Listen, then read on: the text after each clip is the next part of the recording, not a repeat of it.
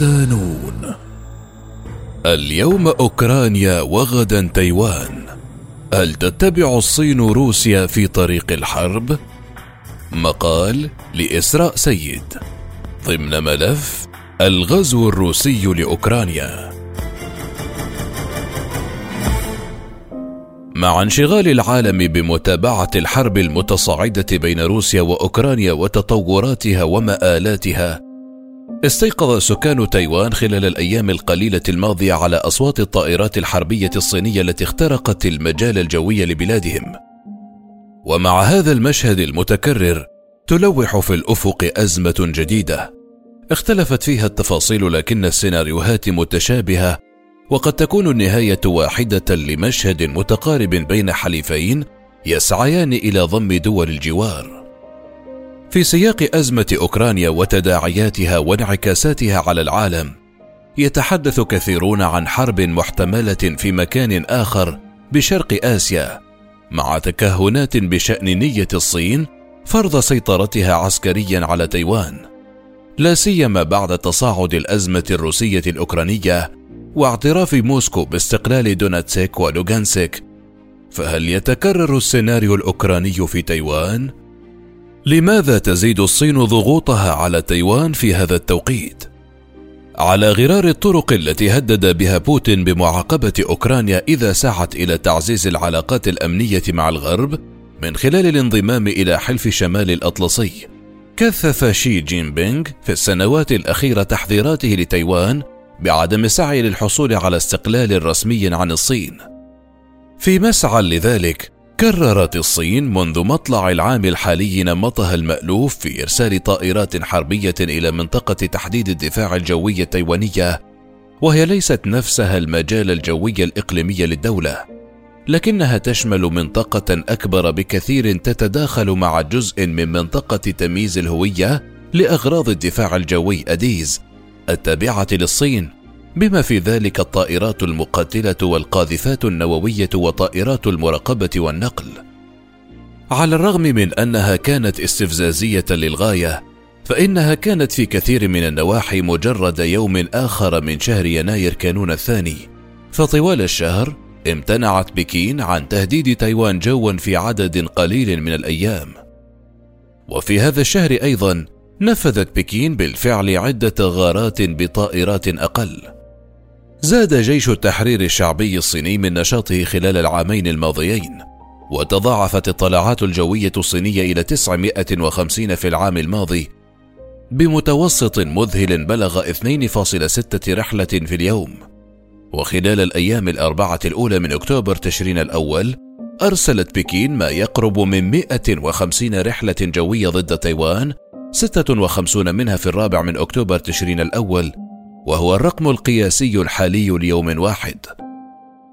نتيجة لهذه التهديدات المتلاحقة يتحدث الناس في تايوان عن الهجوم الصيني في المدرسة وفي العشاء العائلي وفي تجمعات الأصدقاء وأصبح حساب تويتر التابع لوزارة الدفاع جزءا من موجز الأخبار اليومي للناس الأمر الذي دفع رئيسة تايوان تساي إنغوين بالتزامن مع الغزو الروسي لأوكرانيا إلى الدعوة لتعزيز اليقظة بشأن الأنشطة العسكرية في تايوان خاصة بعد أن شهدت المنطقة خلال الأشهر الماضية خروقات صينية للأجواء التايوانية.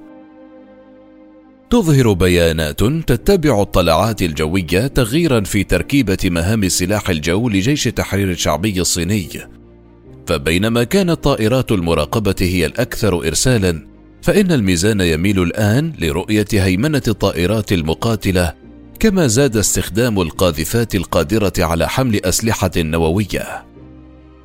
تماما كما لا يمكن لبوتين أن يتسامح مع السيادة الأوكرانية، فإن الحزب الشيوعي الصيني لن يقبل أبدا بانفصال تايوان التي يعتبر الحزب الشيوعي السيطرة عليها أو كما يفضل أن يسميها إعادة التوحيد الهدف الأساسي للسياسة الخارجية الصينية بناء على ذلك أظهر استطلاع للرأي في أبريل نيسان أن نحو 40% من الناس يعتقدون أن تايوان والصين تتجهان نحو صراع عسكري. لكن هذا الرقم آخذ في الارتفاع، ووجد استطلاع آخر هذا العام أن خمسين بالمئة من الناس قلقون من احتمال اندلاع حرب في العام المقبل في حين أن هناك آراء سياسية متنوعة ومعقدة في تايوان فوجدت استطلاعات الرأي المنفصلة في أكتوبر تشرين الأول الماضي أن 77.6% من الناس على استعداد للقتال في حالة الغزو الصيني. ووجدت دراسات أخرى أن معظمها يدعم الجهود الدبلوماسية. تدعي بكين أن تايوان مقاطعة صينية. وتعهدت باستعادتها بالقوة إذا لزم الأمر وتتهم حكومتها المنتخبة ديمقراطيا بأنها انفصالية بينما تقول حكومة تايوان إنها دولة ذات سيادة وليست بحاجة لإعلان الاستقلال. ردا على ذلك، كتبت رئيسة تايوان تساي إنغوين يوم الثلاثاء الماضي أن بلادها لن تكون مغامرة، لكنها ستفعل كل ما يتطلبه الأمر للدفاع عن نفسها. تزعم بكين بشكل متكرر أن الحكومات الأخرى ملزمة بمبدأ الصين الواحدة، الذي يعلن تايوان مقاطعة صينية، لكن قلة من الدول تعترف بحكومة تايوان. وقد نقلت العديد منها علاقاتهم الرسمية إلى بكين منذ السبعينيات فصاعدا.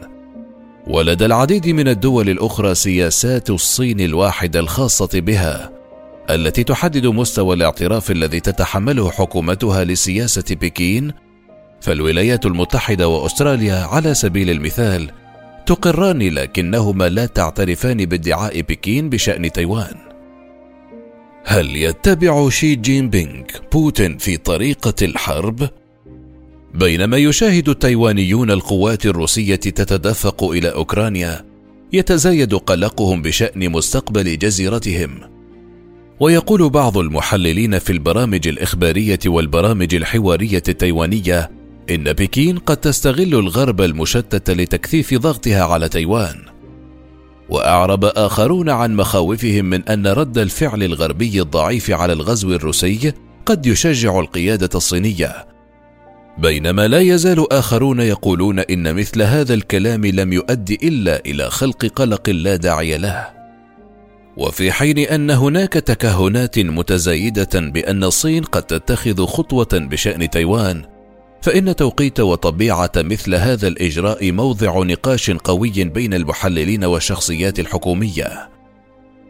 في مطلع أكتوبر تشرين الأول، قال وزير الدفاع التايواني إن الصين قادرة الآن، لكن بحلول عام 2025 ستكون أكثر استعدادا لشن غزو واسع النطاق، لكنها لن تبدأ حربا بسهولة إذ يتعين عليها أخذ العديد من الأشياء الأخرى في الاعتبار واصفا التوترات الحالية بأنها الأسوأ منذ أربعين عاما.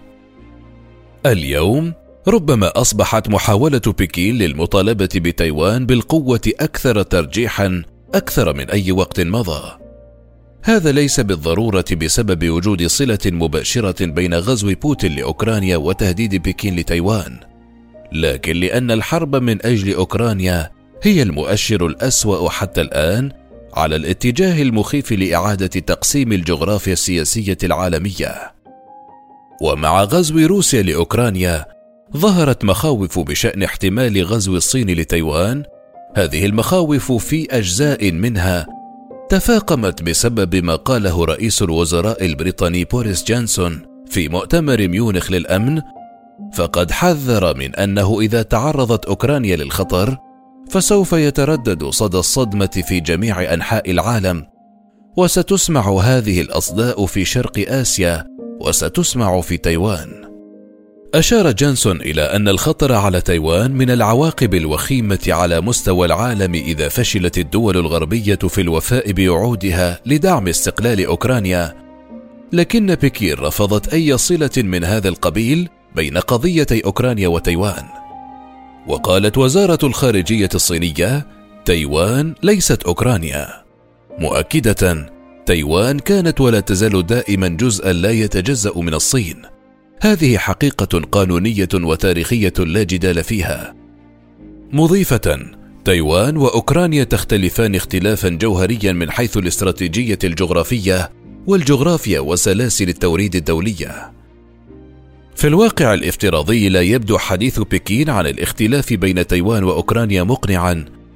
فقد كان شعار اليوم أوكرانيا وغدا تايوان أكثر ارتدادا على الإنترنت وعلى منصة ويبو للتواصل الاجتماعي النسخة الصينية من تويتر. استخدم القوميون الصينيون الغزو الروسي لأوكرانيا لدعوة أمتهم إلى أن تحذو حذو روسيا بتعليقات مثل إنها أفضل فرصة لاستعادة تايوان الآن.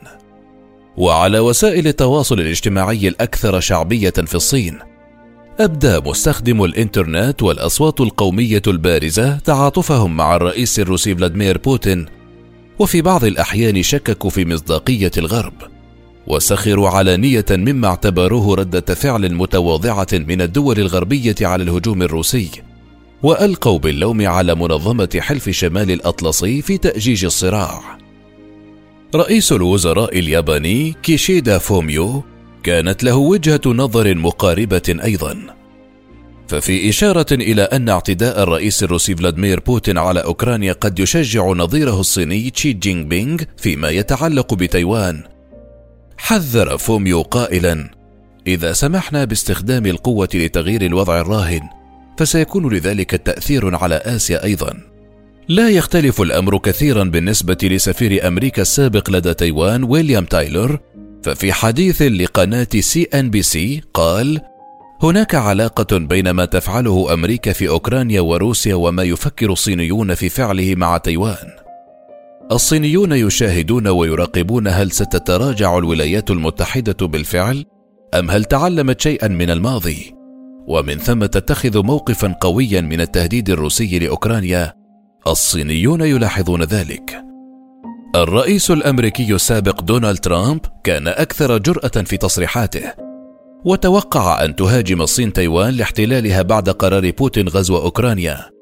وقال في برنامج على شبكة فوكس نيوز الأمريكية إن الصين ستكون الخطوة الثانية للتحرك بقوة على المسرح العالمي. مضيفا الرئيس الصيني سيتخذ منهج إجراءات روسيا ضد أوكرانيا في إشارة منه لاستعادة تايوان. لا يعني هذا هجوما صينيا وشيكا على تايوان.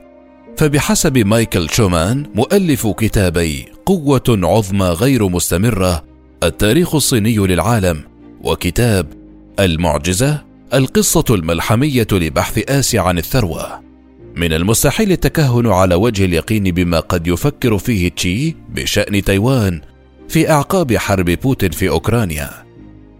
على عكس بوتين عندما يتعلق الأمر بأوكرانيا، فإن تشي لا يحشد قوة غزو على المضيق الذي يفصل تايوان عن البر الرئيسي الصيني. ورغم أن تشي له أشياء سيئة كثيرة، ليس أقلها مسؤوليته عن الإبادة الجماعية ضد أقلية الإيغور المسلمة لكن التهور ليس واحدا منها وفي تصوره صعود الصين مقابل التراجع الأمريكي أمر لا مفر منه والوقت في صالحه لذلك لا داعي لاتباع بوتين في طريق الحرب في الوقت الراهن. لكن يبقى عدوان بوتين العسكري على أوكرانيا علامة على ما قد يأتي لاحقا. فالقوى الاستبدادية بحسب وصف شومان في مقال بمجلة ذا اتلانتيك تعتقد أن الوقت حان للرد على الولايات المتحدة وحلفائها وإعادة تشكيل العالم.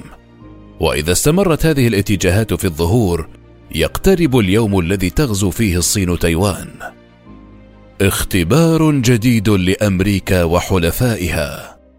بالنسبة لأولئك المهتمين بالسلام في منطقة آسيا والمحيط الهادئ فإن أوكرانيا كما تقول إحدى الصحف اليابانية ليست حريقا على الشاطئ المقابل. إذ يبدو تشابه تايوان مع أوكرانيا واضحا للكثيرين في هذه الجزيرة التي يبلغ عدد سكانها 23 مليون نسمة فقد عاشت تايوان مثل أوكرانيا طويلا في ظل جار متغطرس. وناشد كل من الزعيم الصيني والرئيس الروسي الروايات التاريخية القومية لتبرير مطالبهم الإقليمية الحالية. في الواقع وبعيدا عن تأكيد حكمة سياسة تشي الخارجيه المتانيه حتى الآن فإن الحرب في أوكرانيا تكشف حدود القوة المحتملة. وفي غضون ذلك تتضح بعض الاختلافات بين أوكرانيا وتايوان أكثر من أوجه التشابه بدءا من مستويات الدعم لتايوان. وما إذا كانت الولايات المتحدة ملتزمة بالدفاع عن الجزيرة وصولا إلى الاستعداد لخوض الحرب للدفاع عنها. في حين لا يستطيع معظم الأمريكيين أن يجدوا لأوكرانيا الشريك التجاري رقم 67 لبلادهم مكانا على خريطة التحالفات فإن تايوان على النقيض من ذلك هي تاسع أكبر شريك تجاري لأمريكا وقوة عظمى في قلب سلاسل التوريد العالمية.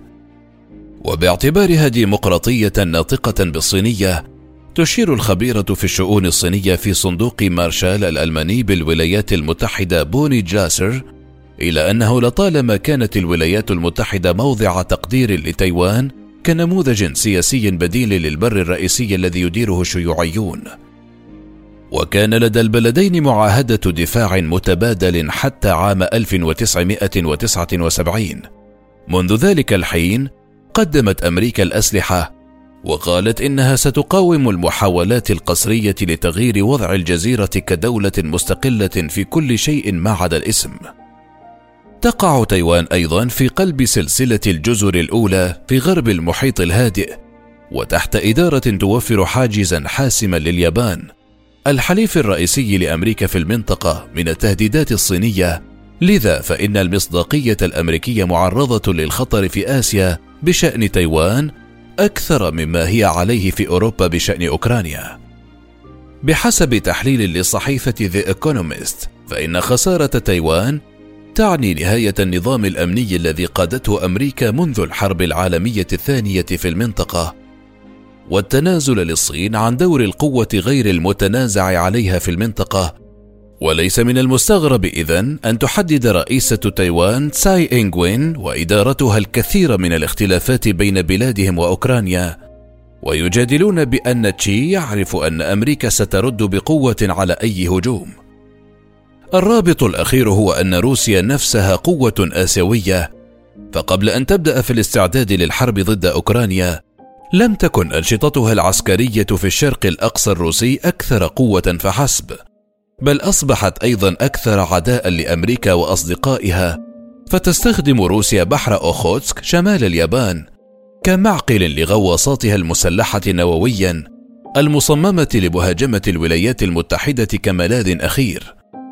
وأجرت مناورات بحرية مشتركة مع الصين الشريك العسكري الوثيق بشكل متزايد في بحر اليابان. في غضون ذلك تعد اليابان العضو الوحيد في مجموعة الدول السبعة الكبرى الذي تتداخل معه روسيا في نزاع إقليمي مباشر. فقد استولى الزعيم السوفيتي جوزيف ستالين على أربع جزر شمالية في الأيام الأخيرة من الحرب العالمية الثانية وأدت آمال اليابانيين في استعادتهم إلى سنوات من محاولات التقارب مع روسيا حيث كانت اليابان في مأزق حتى لا ينظر إليها على انها جزء من مجموعة مناهضة لروسيا. لكن يبدو أن التوتر المتزايد بين روسيا واليابان أصبح هو القاعدة.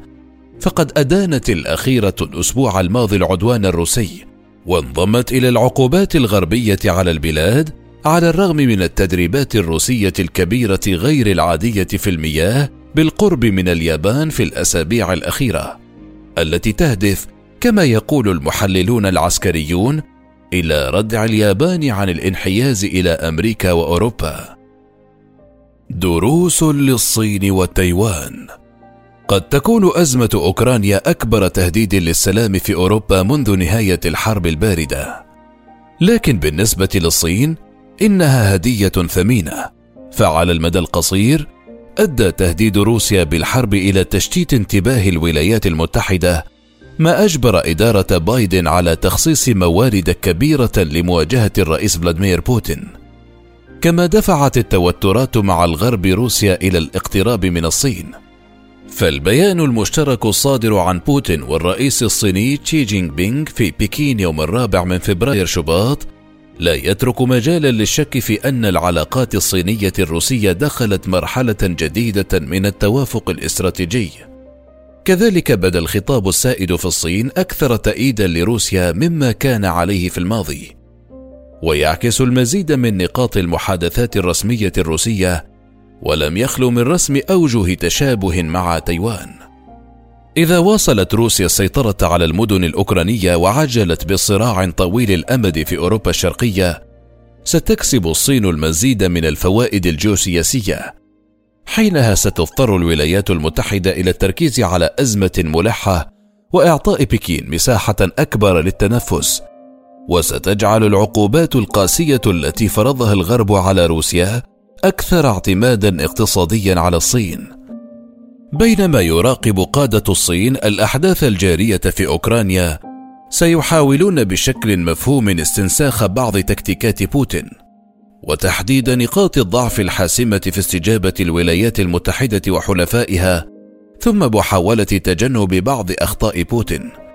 ويتوقع وزير الدفاع التايواني السابق أندرو يانغ أن تكثف الصين من حملات التضليل والهجمات الإلكترونية المصممة لبث الشكوك بشأن الالتزامات الأمريكية وتعزيز رواية حتمية الهيمنة الصينية.